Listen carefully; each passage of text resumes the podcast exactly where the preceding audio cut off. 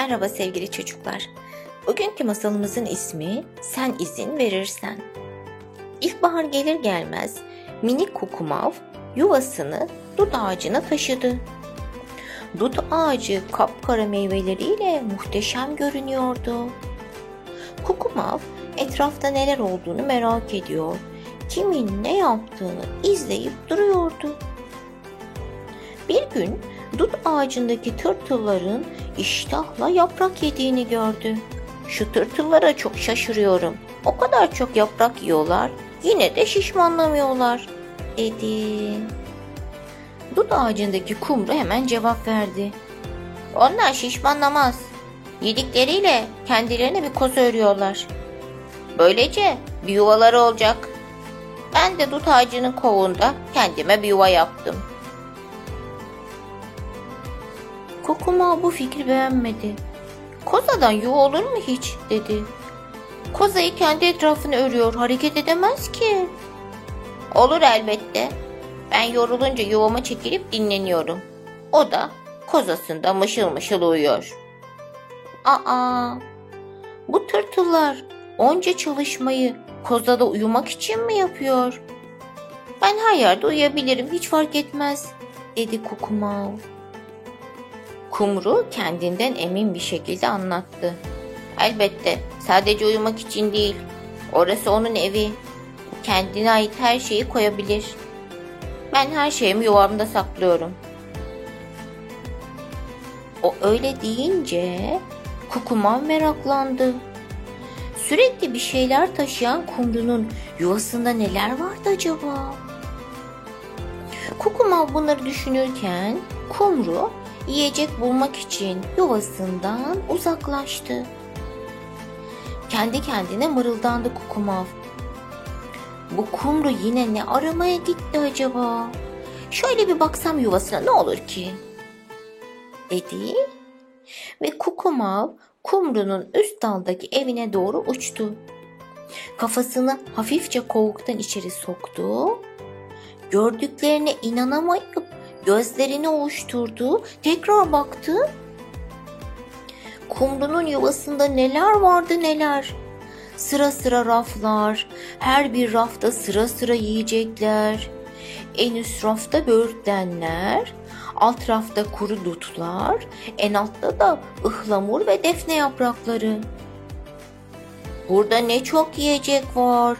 Kumru için bunlar çok fazla diye düşündü Kukumal. Kendi kavuğuna dönünce morali bozuldu. Yuvasında değil yiyecek, kuru dal bile yoktu. Kokuma kovuğundan dışarı çıktığında kumru da yuvasına dönüyordu. Kumru tırtılları göstererek kozalarını örmeye başladılar. Şimdi dut ağacı pamuk ağacı gibi görünecek. Çok güzel olacak dedi Kukumav neşeyle. Kumru ile sohbet etmek isteyen Kukumav Yiyecek bir şeyler de koyuyorlar mı kozalarına acaba? dedi. Onların yiyecek saklamasına gerek yok. Ama ben biraz daha toplamalıyım. Diyerek tekrar gitti kumru kuş.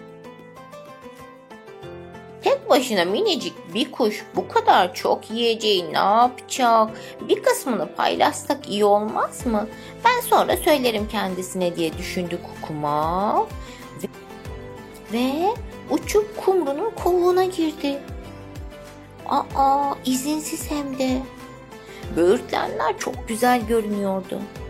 Sonra kumru ile beraber tekrar toplarız dedi kendi kendine.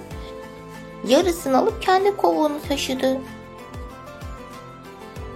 Bir süre sonra kumru gagasında bir meşe palamudu ile geri döndü. Heyecanla kukumava seslendi. Hey bak ne buldum. Bir palamut bu harika bir şey. Kukumal palamudun tadını sevmezdi. İşte bu yüzden arkadaşın anlattıklarıyla hiç ilgilenmedi.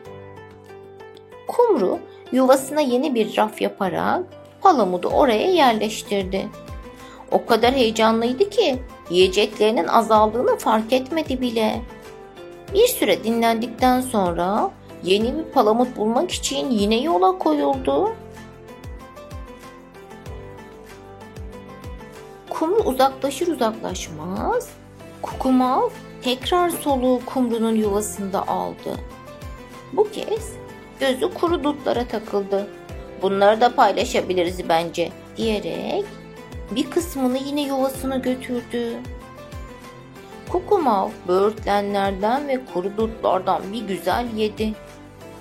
Dikkat etmediği için yuvasının etrafı meyve lekesi oldu.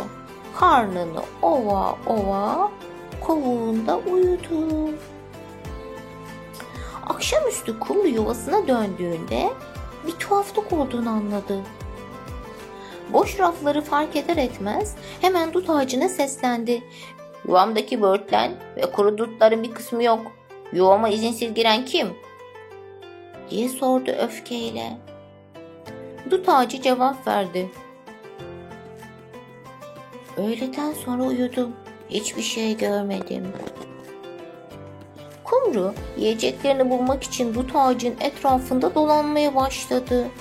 Dolandı dolandı. Sonra Kukumav'ın kovuğu dikkatini çekti. Ne boyamıştı kovuğun etrafını kıpkırmızı böyle? Kumru biraz daha yaklaşınca onların böğürtlen lekesi olduğunu anladı. Ah Kukumav ah. Yuvama benden izinsiz nasıl girersin? Benim yiyeceklerimi nasıl alırsın? dedi öfkeyle. Sesi duyan minik Kukumav başı eğik dışarı çıktı. Kumru'nun yüzüne bakamıyordu utancından. Çok utanmıştı. Çok çok özür dilerim. Merakıma yenildim yuvana girdim. Dayanamadım yiyeceklerinden alıp yedim. Hem de kaç sefer girdim yuvana. Birlikte yenilerini toplarız diye düşündüm.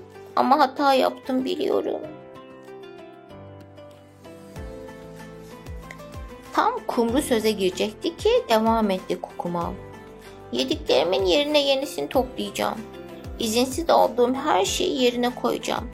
Tabii sen izin verirsen lütfen beni affet. Önce aldıklarını yerine koy, seni affetmeyi düşüneceğim, dedi kumru. Kukumav önce yiyecekleri aynı şekilde yerine koydu. Yeni meyveler toplayarak eksikleri tamamladı. Bu kadarı yeterli değildi. Kumru'nun gönlünü almak istiyordu. Çünkü annesinin ona okuduğu hadis-i şerif hatırlamıştı. Peygamber Efendimiz bir kötülük yaptığınızda ardından hemen bir iyilik yapın demişti. Onun için kumrunun gönlünü almak istiyordu ve kumrunun sevdiği palamutlardan topladı. Tırtılın kendisine verdiği ipek ipliklerle palamutları süsleyerek hediye paketi yaptı. Kumru hediyeyi görünce çok mutlu oldu. Sen benim arkadaşımsın. Senin yiyeceklerimi seve seve paylaşırım. Ama bana ait şeyler için izin almalısın bundan sonra. Dedi Kumru. Çok haklısın. Kumru gülümsedi. Gel şimdi sana börtten ikram edeyim. Onlar meyvelerini yerken kozalarından çıkan kelebekler etrafta dans ediyordu. Diyelim masalımızı bir soruyla bitirelim mi? İlkbahar geldiğinde Kukumav yuvasını hangi ağaca taşıdı? Çınar ağacı, dut ağacı, çam ağacı. Hadi siz sorunuzu cevaplarken masalımızı yine bir dua ezberiyle bitirelim mi? Rabbena firli ve li valideyye ve lil müminine yevme yekumul hesap. Ne yapıyoruz bu duayla? Allah'ım diyoruz. Ahirette hesap gününde beni, annemi ve bütün müminleri bağışla diye dua ediyoruz.